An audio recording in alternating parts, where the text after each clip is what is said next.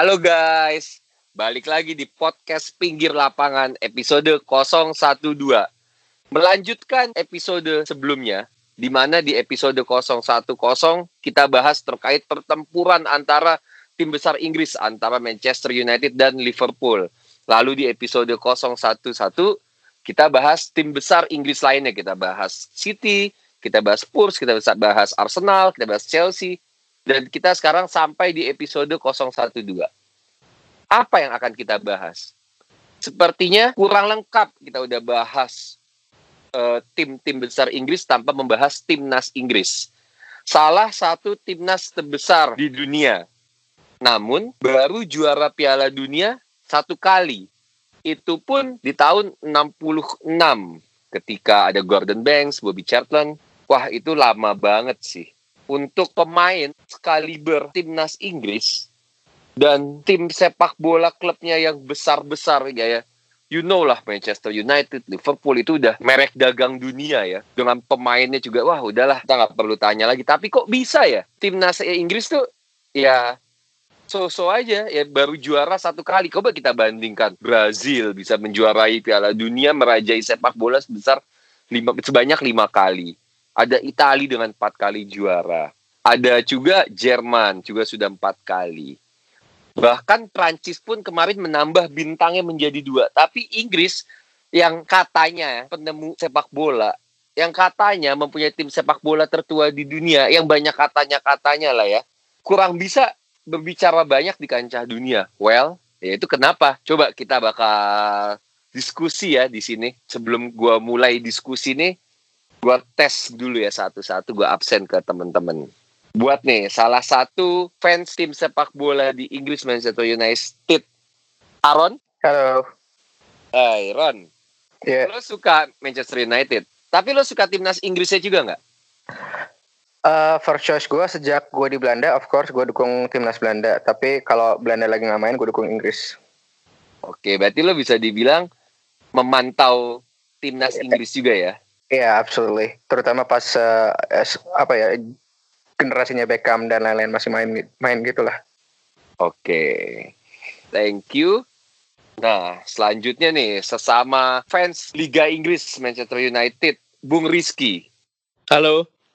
Nah, Bung, lo kan suka Manchester United, tapi kalau Aaron oh. tadi kan suka MU tapi dia menjadikan timnas Inggris itu sebagai second option lah karena dia juga suka timnas Belanda. Kalau lo sendiri gimana, Bung?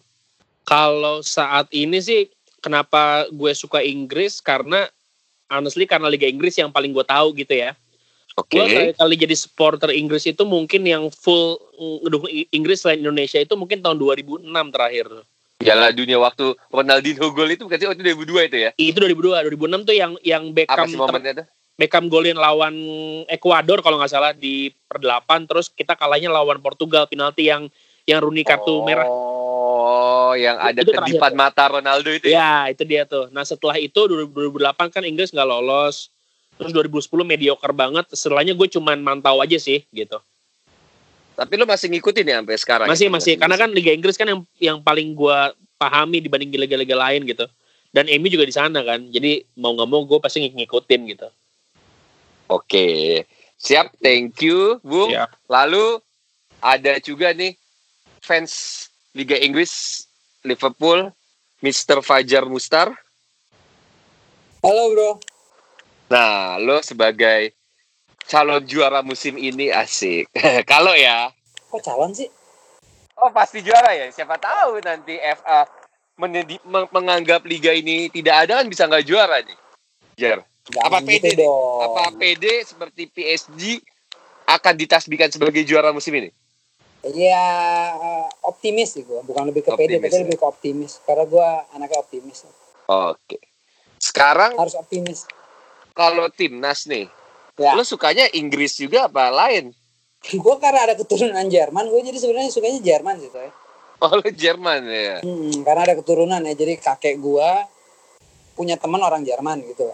Oh iya, bisa sih, keturunan jauh lah jadi yeah. jadi lo kalau timnas Jerman lah ya Jerman gue lebih suka gue suka sih gue suka gue suka apa gue suka filosofi timnya filosofi timnya uh, gue suka uh, cara how dia gimana mengembangkan pemain-pemain mudanya bergantung kepada pemain-pemain mudanya cara dia untuk uh, cara bermainnya gue yang lebih gue suka sih uh, ah, oke okay. kan tapi dong gimana ngikutin Liga Inggris eh ngikutin timnas Inggris timnas Inggris ya iyalah kan jagoan gue di sana bro kebetulan di uh, uh, tim paling jago di Inggris oh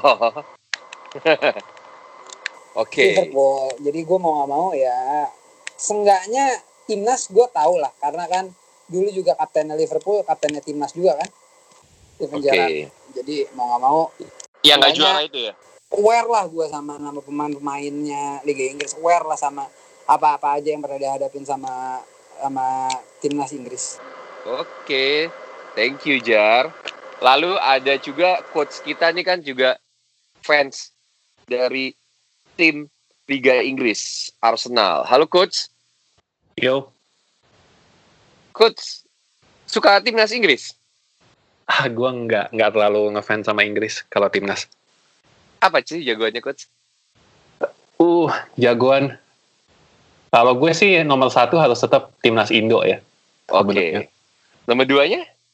Kalau yang lain gue kalau misalnya lagi Piala Dunia gitu gue condong lebih pay attention sama tim-tim Asia. Oke, okay. Gitu. menarik ya, menarik ya. Iya kayak Jepang, Korea, Cina, tuh. Tapi coach uh, timnas Inggris ngikutin? Ngikutin, cukup ngikutin. Cukup ya mengikuti perkembangannya ya? Ya cukup tahu lah. Artinya itu kan masih kiblat kiblat sepak bola dunia juga kan, salah satu kiblat sepak bola dunia. Jadi ya masih masih masih penting lah. Oke. Okay. Baik, baik. Thank you coach. Nanti kita akan minta kontribusinya di pembahasan materi kali ini. Lalu terakhir, ah, ini fans AC Milan nih. Nggak tahu nih kalau timnas mungkin suka Inggris kali ya. Sat? Wih, Forza. Forza. Gimana kalau timnas sukanya apa nih? Karena gue milih, gue suka Milan, ya timnasnya ya pasti Jerman. Kenapa tuh? Nggak nggak tahu ya, gue suka banget sama Jerman sih dari pas Suka aja, man. karena sukanya Milan guanya itu karena salah satu apa namanya pemain Jerman di Milan Oliver Bierhoff oh sundulannya tuh yang saja ya, ya sip tapi lo siap kan ikut membahas tentang timnas Inggris kali ini? Siap karena cukup jadi perhatian khusus sih timnas Inggris. Oke. Baik baik. Oke nanti gua akan kasih waktu lo untuk bahas timnas Inggris ya saat Oke, selanjutnya nih, gue mau bahas yang paling pertama, paling dasar banget masa kejayaan Inggris. Sebelum kita bahas masa suramnya Inggris.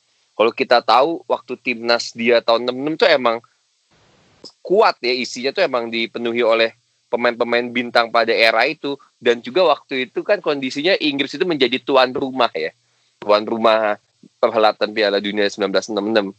Jadi ya memang Inggris punya chance yang besar lah. Tapi gue sih pengen lebih tahu lebih dalam sih. Coba gue mau nanya ke Aaron. Ron, gimana sih menurut lo? Kenapa sih Ron timnas Inggris 66 itu bisa berjaya setelah berapa lamanya itu tidak juara Piala Dunia? Oh wow, uh, kualitas pemain bagus juga sih dulu ya Inggris. Uh, ada Bobby Charlton, Bobby Moore, Gordon Banks, uh, cukup solid sih dan mereka uh, tim chemistry dan fighting spiritnya buat gue uh, of course gue nggak bisa bilang banyak karena enam enam gue nggak mau so tau tapi pas gue lihat pertandingan finalnya at least itu mereka fighting spiritnya bagus banget sih. Dan sebenarnya kan Inggris tuh apa ya sempat ditakuti dunia ya gara-gara itu fighting spiritnya. Cuman kadang uh, itu missing di beberapa generasi. Nggak semua generasi timnas Inggris memiliki itu gitu. Gue lihat sih kalau apa ya at, at least setelah generasi yang 66 itu. Gue nggak ngelihat semua apa ya ya nggak semuanya punya fighting spirit yang sekuat 66 itu. Karena pertandingannya kalau di final itu itu roller coaster banget kadang Jerman yang apa ya yang megang kendali kadang Inggris tapi di situ Inggris kuat banget mentalnya dan uh, akhirnya memenangkan gitu. Gio first hat trick juga di uh, di pertandingan itu di final. Di final itu ngelawan siapa, Ron? West Germany. Oh, masih West Germany ya? Iya, iya masih belum of course. Kan Jerman masih kebelah 2 sampai 89. Uh, Franz Becken Franz Beckenbauer tapi ada di timnas West Germany ya dulu. Oke, tapi ya. emang sebetulnya emang Germany di sini juga emang sudah kuat sebetulnya kan? Iya kuat. Mau uh, walaupun ya gue sempat belajar sejarahnya uh, West Germany dulu lebih kuat daripada East Germany kalau soal uh, sepak bolanya at least. Okay. Jadi uh, istilahnya istilahnya bisa di, dianggap ya first teamnya England tahun 66 ngalahin first teamnya Jerman walaupun itu kebelah dua tahun uh, 66 itu. Jadi kayak the best of the best yang menang Inggris waktu itu. Nah, Ron, gue mau nanya nih sama lo. Apa sih yang ngebedain squad 66 sama squad Inggris setelahnya? Uh, wow. Uh, ini ya again, ini kan 66 jadi gue nggak mau sok tua dan sok tahu, tapi gue ngeliat di at least di pertandingan itu ya kebersamaan dan uh, apa ya uh, mereka tuh berjuang untuk sesama gitu loh. Itu yang kadang uh, bahkan nggak selalu gue lihat dari golden generation nah, which is nanti kita akan bicarakan juga kan. Uh, ka karena waktu itu golden generation juga uh, sempat kena istilahnya bad press lah ya dibilang aduh uh, tiap ego tiap pemain terlalu tinggi lah apa atau apalah itu uh, ya Allah knows best gitu gue nggak tahu kenapa cuman tapi gue nggak ngelihat itu di tim 66 ini. Mereka uh, fighting spiritnya bagus which is important tapi di satu sama uh, rasa saling memiliki atau apa ya keinginan untuk berjuang untuk sesama uh, teammates tuh gue ngeliat gede banget sih gitu. Itu yang nggak selalu gue lihat di generasi setelahnya. Oke. Okay. thank you Ron coba gue mau nanya deh kalau ke coach Aldi ya mungkin coach Aldi kan pernah melihat ya skemanya dari timnas Inggris 66 apakah memang uh, mungkin apakah di saat itu pembaharuan taktiknya yang bisa membawa Inggris melenggang jauh ke final bahkan sampai juara atau ada faktor lain ya coach Aldi? Ini menarik sih lo nanya karena gue juga sebenarnya kan kita kita satu podcast ini nggak ada yang lahir apa udah ada saat itu kita belum lahir semua gitu kan. Cuman gue coba lihat apa ya korelasinya sama sama taktik sama cara mereka bermain sama perjalanan tim Inggris 66 itu sampai mereka akhirnya jadi juara. Uh, apa ya mereka itu sebenarnya waktu itu they don't have the best squad gitu. Jadi pada saat mereka mereka main di Piala Dunia itu itu bukan squad terbaik gitu. Dan itu bukan squad yang yang yang bagus banget kalau kata orang sih biasanya kata orang di zaman dulu tuh itu bukan squad mm -hmm. banget gitu. Jadi uh, kalau gue lihat taktiknya eh, dan gue cuma bisa nyebut yang final ya karena dokumentasinya yang paling lengkap yang di final gitu. Itu uh, Inggris pakai empat satu tiga dua. Empat satu tiga. Mungkin di era itu salah satu formasi yang baru kali coach apa memang udah banyak yang menggunakan? Which is menarik karena 4132 Inggris tuh selama tahun 66 itu di Piala Dunia itu dia pakai dua formasi. Jadi ada dia pakai 433 sama dia pakai 4132. Kalau gue lihat dari dari perjalanannya menang kalahnya mereka gitu, mereka di grup imbang imbang sekali, menang dua kali, menangnya lawan Meksiko sama Perancis, imbang lawan Uruguay. Terus ngalahin uh, West Germany di di final itu 4-2, dia pakai 4-1-3-2. Kalau buat gua ngelihatnya di sini kuncinya justru malah di DM-nya gitu. Karena si DM-nya ini kan gue yakin Aaron pasti tahu ini Nobi Styles. Aaron Reski pasti tahu. Nobi Styles ini he's not the best midfielder. Cuman okay. tipenya tuh kayak kayak Kante mungkin ya. Hmm, kayak Kante everywhere gitu ya. Uh, uh, tipenya tuh kayak Kante cuman lebih lebih hard hitting gitu loh. Dia lebih lebih tough. Gitu. Jadi apa ya Jerman Jerman Barat ini kan dia punya punya punya attack tuh kuat banget gitu kan ada Franz Beckenbauer, ada Uwe Sailor, ada kayak apa uh, macam-macam lah artinya gue juga nggak nggak hafal. Cuman suksesnya Inggris waktu itu tuh karena mereka berhasil nah taruh si satu DM ini untuk neken lini tengahnya. Lini tengahnya kan cuma dua orang gitu Jerman itu. Jadi begitu Oke. satu ditekan, yang satu lagi di, dikejar sama pemain pemain midfielder yang lain udah mati gitu. Mereka cuma bisa nyerang lewat sayap dan kalau prinsip sepak bola itu pokoknya jangan sampai bola itu lewat tengah gitu. Lo kalau bertahan harus selalu ngalurin bola ke samping gitu. Mungkin mungkin ada sisi itunya juga. Nah, off off football mereka juga pada saat mereka mau perjalanan ke Piala Dunia itu dia kayak di karantina gitu sama pelatihnya. Oke. Al Ramsey itu di karantina habis 11 hari terus habis itu mereka langsung ngadain eh, friendly away match empat kali gitu dan itu kayak Hmm. kalau gua kalau gua baca ceritanya dia kayak digembleng habis gitu jadi nggak boleh ya zaman dulu kan jauh lebih rileks ya gitu cuman di saat itu pun kayak ditekenin bahwa disiplin tuh nomor satu jadi mungkin itu juga yang bikin mereka jadi Faktor yang berpengaruh ya. Iya, mereka jadi cukup cukup fighting spiritnya jadi jadi ada gitu. Kebukti bahwa ini dan ini gue ingetin lagi sekali ini tahun 66 11 lawan 11 itu nggak boleh ada substitution, nggak boleh ada pemain pengganti. Wah gila. Berarti fisik betul-betul harus maksimal ya. Prima. Aturan tetap sama 90 menit, 30 menit extra time. Kalau masih imbang juga nggak ada penalti, ada replay. Cuman Waduh. tidak ada substitution gitu. Nah, untuk pertandingan final kan kebayang dong atmosfer terus experience pertandingan final tuh kan keras banget ya nggak usah yang di Piala Pasti. Dunia deh nggak usah yang di Piala Dunia deh kita yang di turnamen mini soccer aja Nah. juga udah kayak gimana gitu kan Iya Liga Campina ya udah keras ya. iya ya. makanya gitu Liga, Liga Tarkam aja nggak usah final juga udah keras gitu kan jadi ini lebih gila lagi nggak ada substitution gue nggak bisa ngebayangin sih kayak itu digembleng digembleng kira-kira satu bulan itu kayak gimana sama sama Al Ramsey-nya Oke, menarik ya coach ya.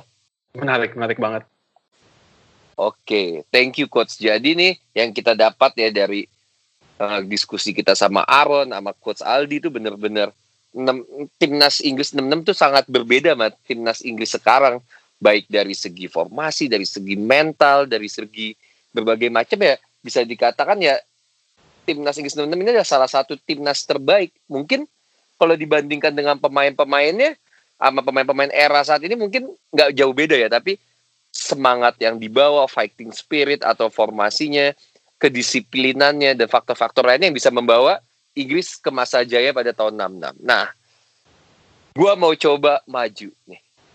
Inggris 66. Mungkin bukan skuad Inggris yang mewah ya.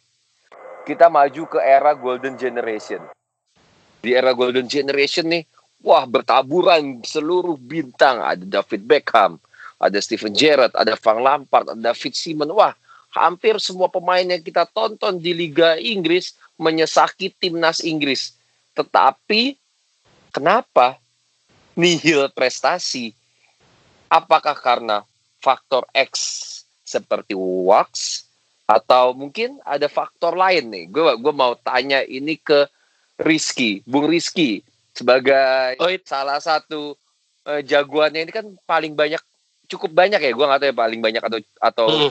Nggak sebanyak itu ya mengirimkan gacoannya ke timnas Inggris kita tahu Hmm. ada namanya Paul Scholes ada Iya. Gary Neville ya ada David Beckham ah banyak lah ya pemain Rio Ferdinand banyak lah pemain-pemain Hmm.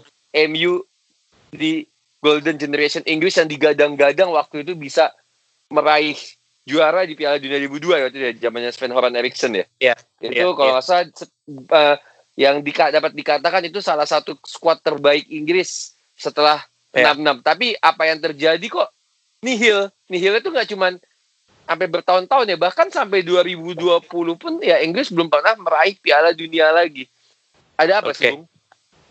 Oke, coba ini berarti bahas Golden Generation. Gue coba mundur sebentar ke di mana awal mula angkatan yang dianggap sebagai Golden Generation ini ya. Oh iya, gimana? itu gimana? kalau kalau menurut gue pribadi itu sebenarnya mulai dari 98 dengan adanya eh, munculnya David Beckham yang pada waktu itu melakukan free kick luar biasa kalau nggak salah lawan Kolombia kalau gue nggak salah ingat gitu ya. Terus Michael Owen golnya lawan Argentina yang dia soloran itu Iya, jauh banget oke. itu juga eh, membuat semua media melihat ini Inggris kok banyak pemain muda yang sangat berbakat gitu ya. Lalu kita lompat ke Euro 2000 memang prestasi nggak begitu bagus, tapi udah mulai banyak nama di situ meskipun nama-nama zaman dulu seperti Alan Shearer, Sheringham itu masih ada. Memang betul kalau dibilang awal sekali itu di 2002. Yang yang lo tadi bilang ini sebenarnya 2002 ini kan uh, bisa dibilang per lini ini Inggris nih oke okay banget gitu ya. Iya dari David Seaman, terus ada uh, kalau nggak salah ada Rio Ferdinand, ada Ashley Cole, ada Steven Gerrard itu uh, cedera pada waktu itu. Ada oh nggak ikut ya Bung ya? Uh, cedera deh kalau nggak salah waktu itu Steven Gerrard tahun 2002. Oke. Okay. Itu ada Lampard, ada Scholes, ada Beckham, ada Owen dan dan lain-lainnya. Pelatih Sven Goran Eriksson. Itu sebenarnya mainnya pas di penyisian grup juga sebenarnya biasa aja ya. Gue inget banget tuh golnya tuh sempat kita seri kosong kosong lalu menang lawan Argentina satu kosong gitu ya yang membuat kita lolos. Lalu kita kalah lawan Brazil. Di situ sebenarnya meskipun kalah tim Inggris itu sendiri, medianya, fansnya itu ada rasa optimisme di masa depan skuad muda Inggris 2002 ini akan meraih banyak trofi Eropa ataupun dunia gitu ya.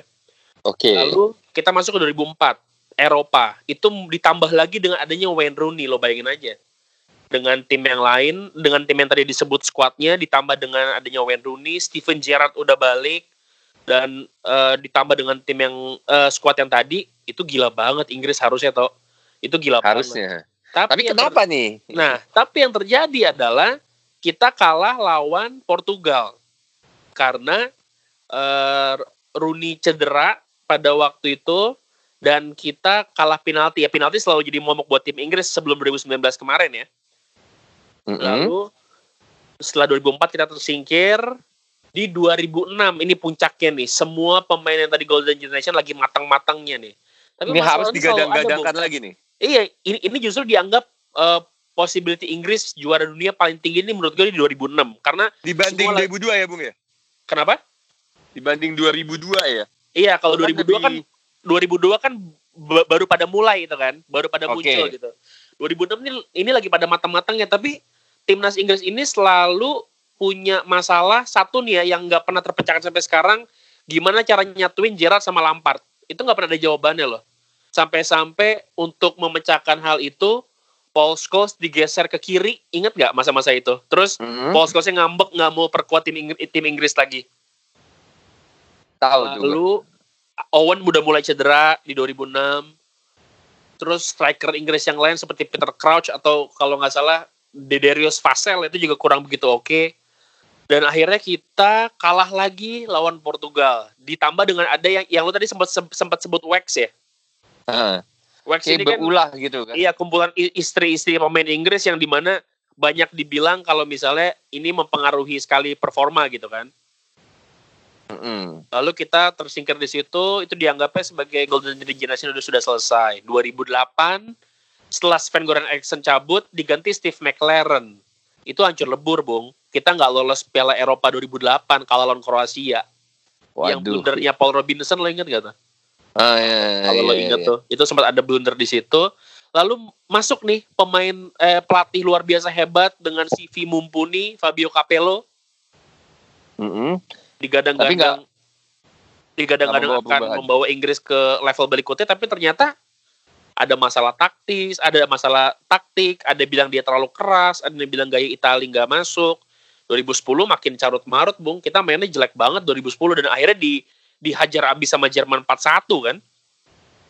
Gitu Bener -bener sih. Bener parah ya. Parah, parah. Jadi, dan dan kalau lihat 2000 setelahnya ya kalau kita kita recap sebentar 2012 itu kita kalah lawan Italia ya kalau nggak salah ya. Tapi itu juga Golden Generation udah tinggal Gerrard sama Rooney. 2014 kita nggak lolos grup.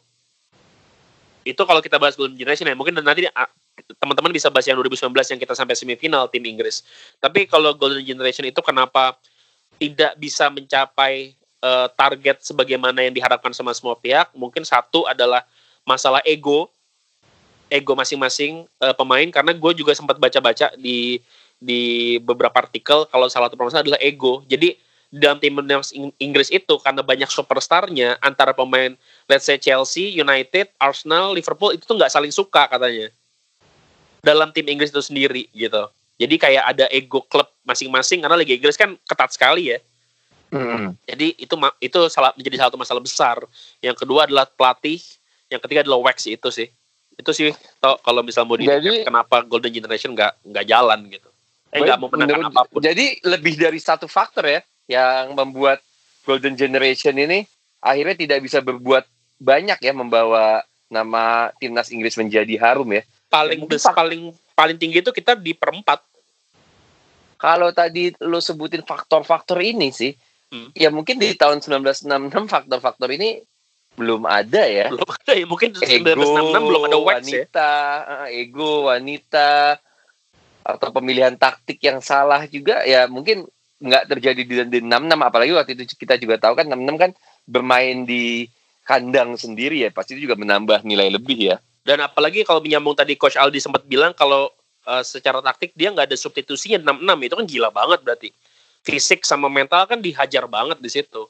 Yang di mana pas di Golden Generation ini mungkin mereka karena udah di era yang lebih baru, mungkin ada celebrity syndrome juga di situ. Ya lo tahu sendiri kan dulu dengan uh, misalnya let's say kita sebut kayak Beckham dengan lifestyle-nya, mungkin itu juga mempengaruhi uh, squad Inggris yang lain gitu sih. Kalau dari gue tentang Golden Generation. Oke, Oke, tau. thank you Siap. Bung Rizky. Gue mau nanya nih sama eh, musuhnya Bung Rizky nih dalam tanda kutip ini. Bung Fajar. Gue gak, gua gak musuhan sama Rizky kok. Tapi Saingan aja. oh, Iya. saingan ya. Rizky itu bukan musuh saya, tapi dia adalah eh, partner saya untuk berkompetisi. Soalnya kalau ngelihat kalian tuh kayak Steven Gerrard sama Gary Neville gitu berdua. Nah, Gimana Nggak sih. gitu? Lebih tepatnya bukan gitu. Kayak Lebih tepatnya Steven apa? Gerrard sama Owen Graves. Oh, negatif. Kira- kira- Kirain Steven Gerrard sama Luke Chadwick mungkin. Chadwick. Kan gak masuk timnas loh Chadwick. Apa masuk? Apa Oh, masuk karena ya. MU Connection? Oke, Jar, Yes bro. Gimana? coba deh. Nah, pasti Inggris loyo gitu. Gua nggak Padahal tahu ya, tapi gua ini tipikal orang yang percaya sama yang namanya romantisme sepak bola. Jadi menurut jadi gua jadian gitu, Jar. Maksudnya apa gimana romantisme nih? Zito lucu juga ya. Romantisme itu maksudnya bukan sesuatu hal yang apa ya, bukan sesuatu hal yang ilmiah aja yang gue percaya. Kalau sepak bola menurut gue satu-satunya yang ya banyak variabelnya lah untuk menjabarkan gitu. Apalagi lo nanya kenapa Golden Generation itu nggak work out gitu. Di saat lo punya materi tim yang luar biasa, yang tadi Rizky udah mention satu-satu. Gitu Iya. Terus kita kenapa nggak bisa work out timnas Inggris? Kalau menurut gue tuh eh, pertama untuk pertama kalinya gue bilang sih satu salah satu faktornya ego ego ego ego sentr- egosentrisnya mereka masih gede-gede ya karena Apakah sampai separah itu ya egonya ya maksudnya? Ya mungkin mereka pemain bintang punya segala, Hmm. tapi kan kita Gua- dibahas untuk kepentingan timnas loh, Jar. Iya ya, gue nggak tahu ya gini. Tapi secara common sense, kalau misalkan lo yang namanya work uh, teamwork, pas gitu ada ego ego ego yang besar gitu ya, pasti yang itu teamwork nggak akan jalan. Pasti itu udah hukum pasti. Lo mau kerja di kantor kalau misalkan uh, uh, apa orangnya superstar semua pasti ya nggak akan jalan gitu karena pasti punya ego sektoral masing-masing gitu ya atau apa pun lah yang namanya segala sesuatu kalau misalkan dijalankan pakai ego eh, pakai ego sektoral masing-masing jadi kayak nggak akan ada yang namanya teamwork gitu sih menurut gua jadi itu mungkin yang terjadi pertama di timnas Inggris waktu itu. Terus, terus? Dan kedua menurut gua mereka tuh terlalu habis konsentrasi di liga sih menurut gua. liga Inggris itu kan satu-satunya liga yang yang jarang liburnya gitu loh. Yang liga libur musim dingin itu nggak di semua Masih ada liga di. Eropa ya. Tapi sedangkan di Inggris mereka nggak ada waktu libur gitu nggak ada waktu untuk relaksasi. Mungkin nanti bisa tanya sama coach Aldi ya. Itu ngaruh nggak sih yang kayak gitu-gitu yang ya? faktor, faktor faktor resting itu atau tanya pada dokter Ersa secara secara secara apa anatomi tubuh manusia itu butuh nggak sih resting itu diistirahatkan gitu? Apakah nanti kalau nggak ada resting itu ngaruh ada impactnya atau enggak ya gue nggak tahu. Secara mereka kan atlet mungkin eh, ininya beda juga dengan kita kan kita nggak tahu juga. Mungkin hal-hal itu kayaknya ya pertama ego ego sektoralnya masing-masing karena ngerasa eh, mereka orang yang paling mereka kan orang-orang hebat di timnya di klubnya masing-masing gitu ya begitu jadiin satu suruh kerjasama ya susah kali karena emang udah semua punya punya mental Mr. Reliable semua jadi susah kalau misalnya Mr. Reliable semua siapa yang mau di siapa yang mau diatur gitu siapa yang mau berkorban ya nggak bakal ada jawabannya itu yang pertama oh. gue yang tadi gue cerita uh, masalah masalah apa uh, liganya liganya sendiri gitu kan. Sekarang akhirnya Liga Inggris ada yang namanya libur musim dingin kan final mm -hmm. gitu karena karena gue lihat kan trennya kalau ngomong tren liga trennya timnas Inggris itu kan bagus ya sekarang trennya. Karena lagi menanjak banyak menang banyak uh, Jared Southgate oke okay lah meracik timnya itu karena nggak semuanya bintang juga gitu. Contohnya orang kayak uh, siapa? Uh, orang kayak Harry Wings menurut gue itu average sekali ya untuk jadi seorang gelandang tengah itu bisa dapat kesempatan terus kayak Iya karena emang butuh balance tim ya. Mungkin alasannya Gareth Southgate uh, manggil dia atau gimana timbangannya banyak sekali. Atau kayak Taylor Mings back tengahnya itu yang dari Bournemouth.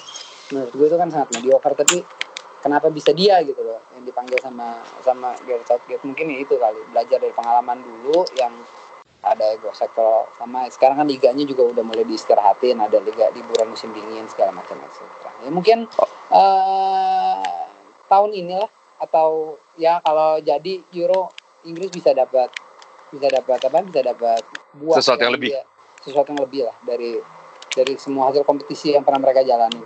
Oke. Itu harapan gue sih. Amin ya. Oke nih, gue mau nanya nih sama Coach Aldi nih sekarang ya. Coach Aldi, di saat Golden Generation ini yang kita ketahui kan banyak pelatihnya malah tuh pelatih dari luar Inggris seperti Sven Goran Eriksson dari Sweden, uh, Fabio Capello from Italia kan. Uh, sebetulnya ada apa sih? Apa karena waktu itu FA-nya mungkin melihat wah emang emang saatnya Inggris dilatih oleh pelatih top-top luar negeri yang mungkin mungkin timbul ketidakpercayaan terhadap pelatih yang be, yang ada di Inggris atau berwarga negara Inggris atau mungkin punya pertimbangan lain ya coach ya mungkin kalau dilihat dari, dari segi kepelatihan coach Aldi. Hmm, kalau ini mengutip mengutip katanya FA waktu itu ya, FA hmm. PSSI-nya Inggris waktu itu, mereka kan nunjuk Sven Goran Eriksson itu kan tahun 2001. Nah, tahun 2001 itu kan jelang mereka mau Piala Dunia 2002 yang di Jepang sama Korea itu kan. Mm -hmm. Jadi waktu itu apa dua kita lihat kita lihat statistik apa kita lihat faktanya dari Liga Inggrisnya aja dulu gitu. Dari Liga Inggrisnya waktu tahun 2000 2001 sampai 2006 itu manajer yang di Liga Inggris yang berkebangsaan Inggris, bukan Inggris saya ya, Inggris dan uh, artinya England bukan Great Britain gitu. Yang memang sukses di liga domestiknya itu hampir nggak ada. Karena okay. karena yang nomor satu saat itu top 3-nya adalah Manchester United, which is pelatihnya Skotlandia, terus Arsenal, pelatihnya Prancis, terus kemudian uh, waktu itu Liverpool masih Gerard Houllier ya kalau nggak salah itu juga Prancis, yeah. gitu kan. Terus yang turun-turun-turun jauh ya baru ada yang di papan tengah tuh baru ada yang Inggris gitu. Jadi FA waktu itu merasa bahwa kita nggak punya pelatih di level-level yang sukses, level itu yang sukses, yang yang cukup punya kaliber untuk melatih timnas Inggris. Makanya kenapa akhirnya pilihan mereka jatuh ke Erikson. Nah, Erikson waktu itu dianggap gagal. Gak sebenarnya gagal sih enggak juga ya, karena sekali lagi gue mesti ingetin bahwa ini kan kalau sepak bola internasional tuh kan turnamennya kan juga nggak tiap tahun gitu. Turnamennya juga sekali sekali kayak Piala Dunia kan empat tahun sekali terus diseling sama Euro kan tiap dua tahun gitu kan. Jadi kesempatan suksesnya timnas timnas itu nggak se nggak sementereng klub. Dan timnas itu juga bukan pekerjaan yang gampang gitu karena lo ketemu pelatih eh, lo ketemu pemain lo tuh mungkin tiga bulan sekali kalau nggak cedera gitu. Jadi kesempatan kemungkinan lo untuk sekarang milih terus habis itu lo mainin mereka terus nanti tiga bulan lagi lo mesti milih lagi belum tentu dapat yang sama persis kayak yang terakhir gitu entah apakah itu karena cedera atau apakah dia formnya lagi jelek dan segala macem gitu kan dan lagi pula begitu mereka balik ke klubnya kan kayak training session masing-masing klub tuh kan beda-beda lagi gitu loh. Entah mm -hmm. apa yang mm -hmm. sudah entah apa yang sudah dilatih, apa ada yang menurun atau apa ada apa yang hilang dari mereka gitu kan atau ada ada sesuatu yang dibiasakan sama mereka yang mungkin gak cocok sama pelatih timnas dan segala macam. Jadi variabelnya tuh banyak banget juga gitu. Jadi kalau kalau gue bilang sih kenapa Inggris waktu itu disebutnya cukup cukup mempunyai golden generation cuman mereka nggak bersinar itu bukan cuman karena pelatihnya juga gitu. Tapi balik lagi ngomongin ke pelatih gitu. Si Erikson diganti sama Steve McLaren setahun. Okay. Terus habis itu baru Capello masuk tahun 2008 dia sampai 2012 gitu kan. Nah dari 2012 diganti sama Stuart Pearce untuk cuman satu game doang yang di mana dia kalah waktu itu. Terus diganti sama Roy Hodgson sampai 2016 dari 2012. Nah dari empat manager ini uh-huh. yang win statistiknya paling bagus adalah Capello. Wow. Dia ada di 66,7 persen. Gitu. Sementara kayak ya, yang nomor duanya adalah Ericsson di 59,7, baru kemudian ada Hodgson di 58,9. Nah sekarang kalau dibandingin sama yang kemarin, Gareth Southgate, Gareth Southgate kan dibilang katanya oh dia sukses karena dia bawa bawa Inggris ke Piala Dunia uh, apa tempat keempat apa segala macam gitu kan. Terus apa UEFA Nations League juga dia juara ketiga gitu kan. Win percentage cuma 58,5 which is di bawah Hodgson, di bawah Capello, di bawah Erikson. Gitu.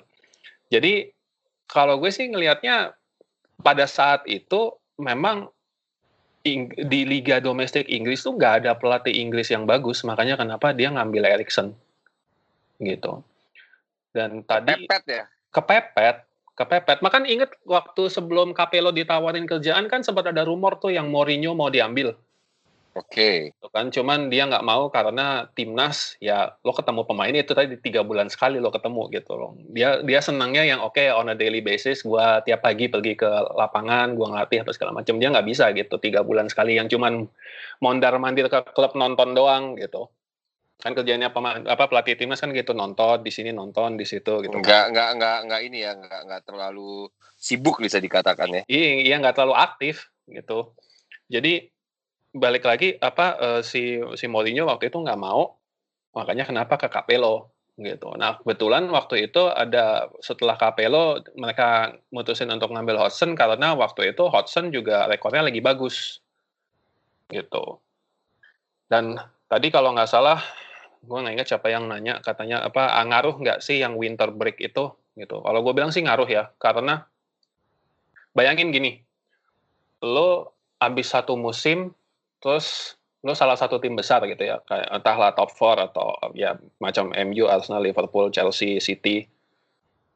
Lo main 38 pertandingan plus FA Cup mungkin ada berapa tuh 8 apa 9 8 pertandingan lah let's say terus ada League Cup kalau lo sukses sampai final juga lo 8 pertandingan terus kalau itu ada Liga Eropa entah Champions League entah Europa League itu juga mungkin kalau itu kan grup stage-nya aja mainnya dua kali gitu. Itu kan udah hmm. udah enam terus habis itu satu dua tiga berarti enam tambah enam dua belas tambah final tiga belas kali gitu kan. Itu udah berapa tuh? Itu udah lima puluh game lebih. Gitu. puluh game lebih yang di mana habis itu lo mesti kalau itu kalau itu musim yang musim yang ada ada ininya ada kompetisi internasionalnya begitu lo selesai di bulan Mei Mei pertengahan, lo langsung berangkat ke timnas gitu. Yang mungkin lo mainnya syukur kalau lo mainnya di Eropa, tapi kalau lo mainnya di Brazil gitu. Lo di Brazil kan lo perjalanan dari Inggris ke Brazil lagi udah berapa gitu kan, terus capek apa segala macam gitu. So ngaruh sih, lo capek banget men Terus habis itu lu dikasih, ya syukur kalau habis itu lu dikasih ekstra ekstra libur lagi sama klub lo bangsa seminggu gitu.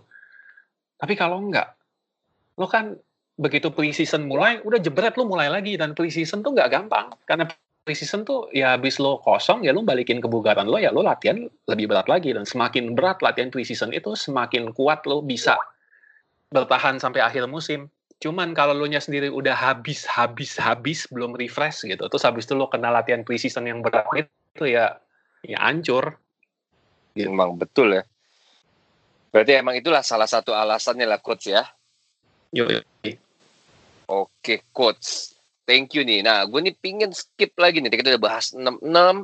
Kenapa sih Inggris bisa begitu superiornya? Kalau kita bahas di Golden Generation dengan nama-nama bintang yang sudah ada, tapi nihil prestasi, cenderung minus bahkan. Nah, tapi saat ini Inggris malah membuat suatu kejutan. Dua tahun lalu di Piala 2018, yang dengan bisa dikatakan skuadnya nggak sehebat skuad Golden Generation. Apalagi dibandingin squad 66 ya. Tapi dari Inggris yang sebelumnya tidak bisa meraih prestasi apa-apa ini bisa nembus empat besar Piala Dunia. Di mana satu langkah lagi kalau mereka berhasil menang itu Inggris bisa nembus ke final. Hebat Inggris ini. Kenapa sih? Coba dokter Ersat mungkin waktu itu kan menyaksikan ya World Cup 2018 apa sih yang membuat Inggris dengan skuad yang bisa dibilang tergolong kayak kalau obat kayak generik ya biasa aja ya tapi bisa berbicara lebih gitu dok. Ya.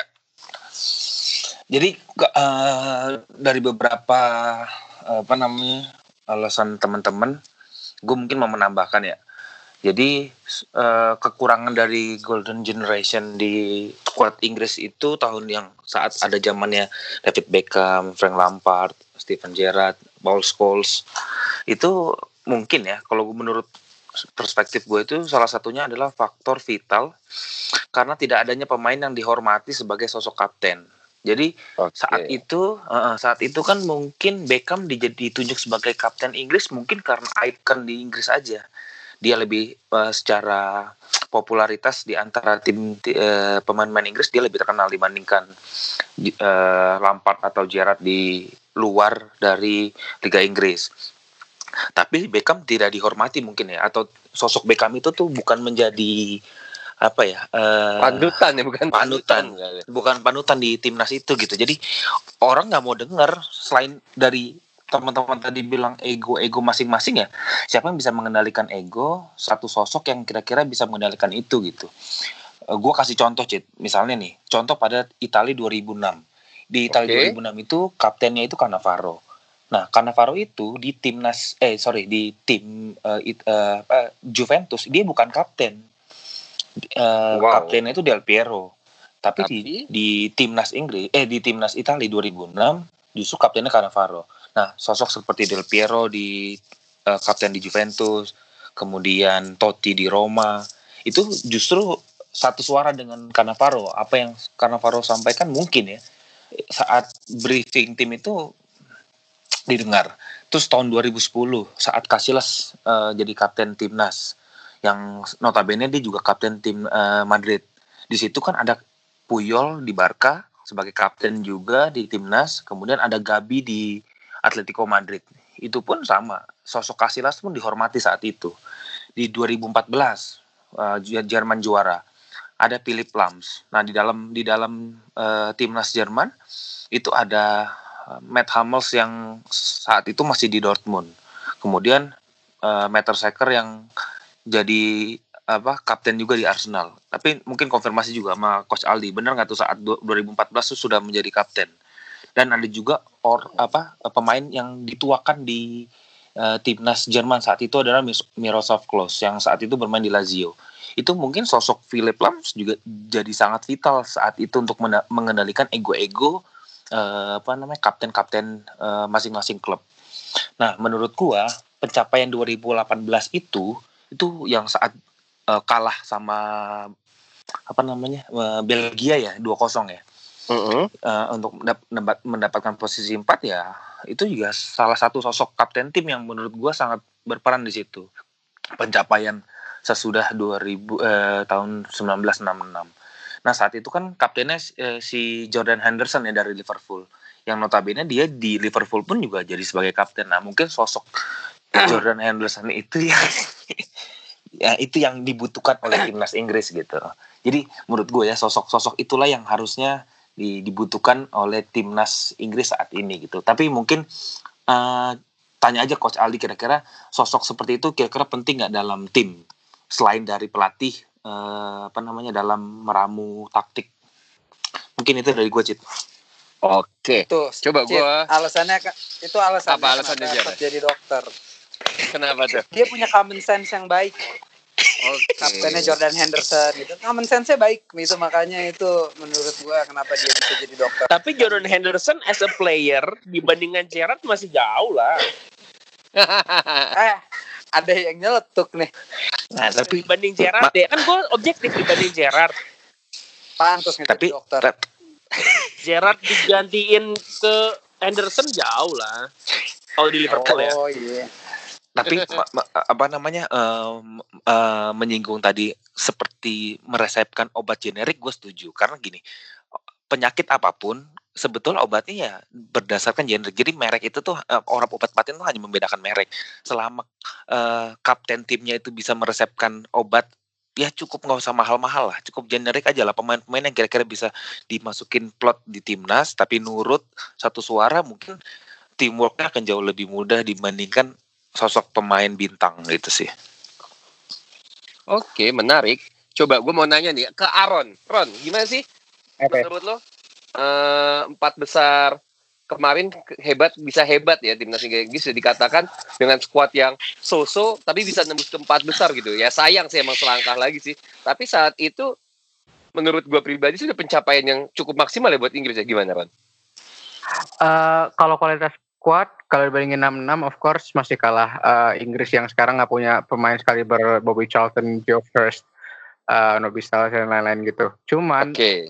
dengan 6-6 ini udah nggak ada ego lagi gua ngeliatnya. Ini mereka bener-bener kelihatan mirip banget sama 6-6 saling berjuang buat sesama uh, dengerin pelatih lah, dengerin kapten lah gitu loh. Uh, dan itu mereka gue rasa belajar dari kegagalan golden generation itu justru karena istilahnya mereka udah belajar dari sejarah bintang nggak menjamin hasil gitu loh. Tapi kalau kita yang mungkin lebih apa ya, kalau di atas kertas mungkin kata orang-orang uh, kemampuannya uh, nggak sebagus mereka, tapi kalau kita saling apa ya menutupi kekurangan kita sebagai uh, tim saling bekerja sama, saling bahu membahu, kita pasti bisa hebat. Itu sih yang gue rasain dari uh, 2018 kemarin. Oke. Okay. Ya.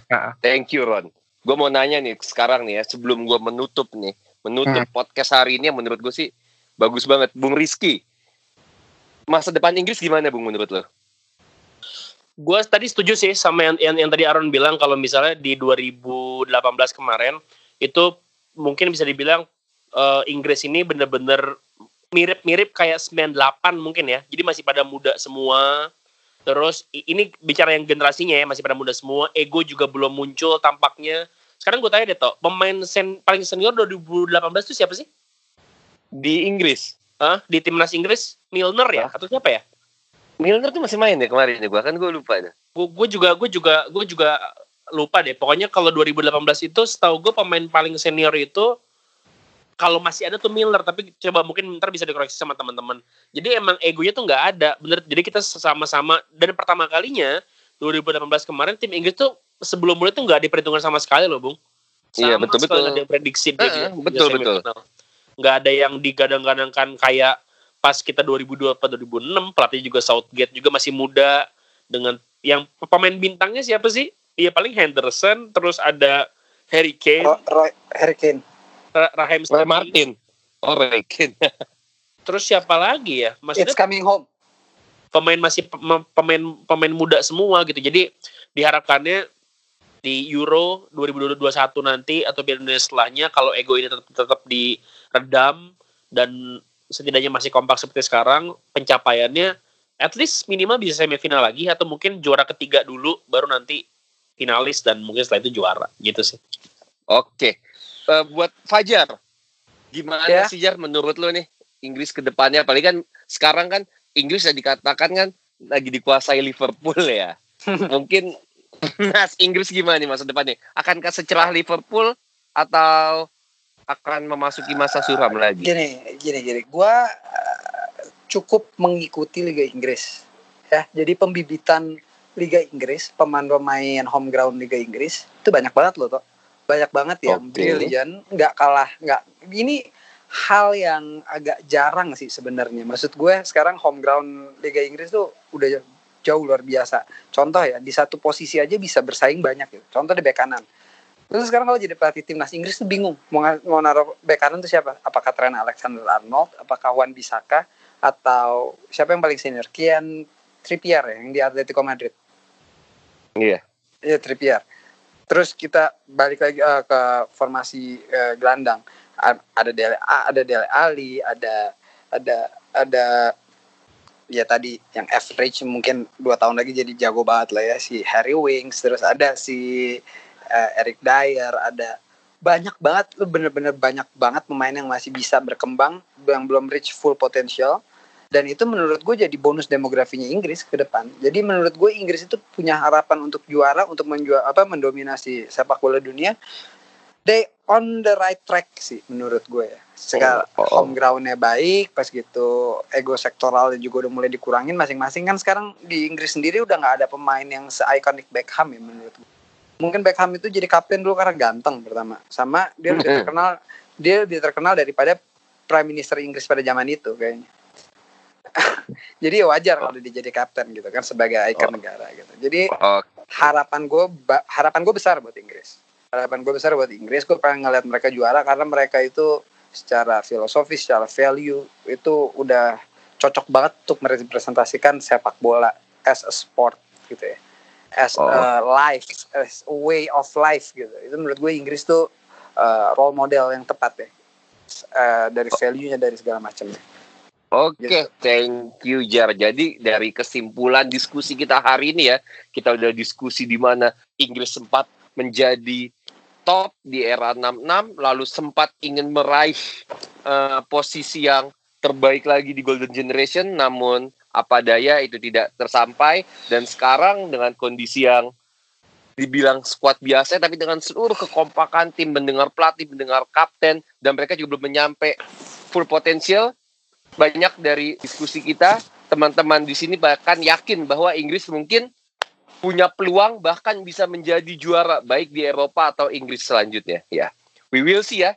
Next time kita akan lihat apakah benar Inggris bisa meraih atau akan kembali seperti sebelumnya.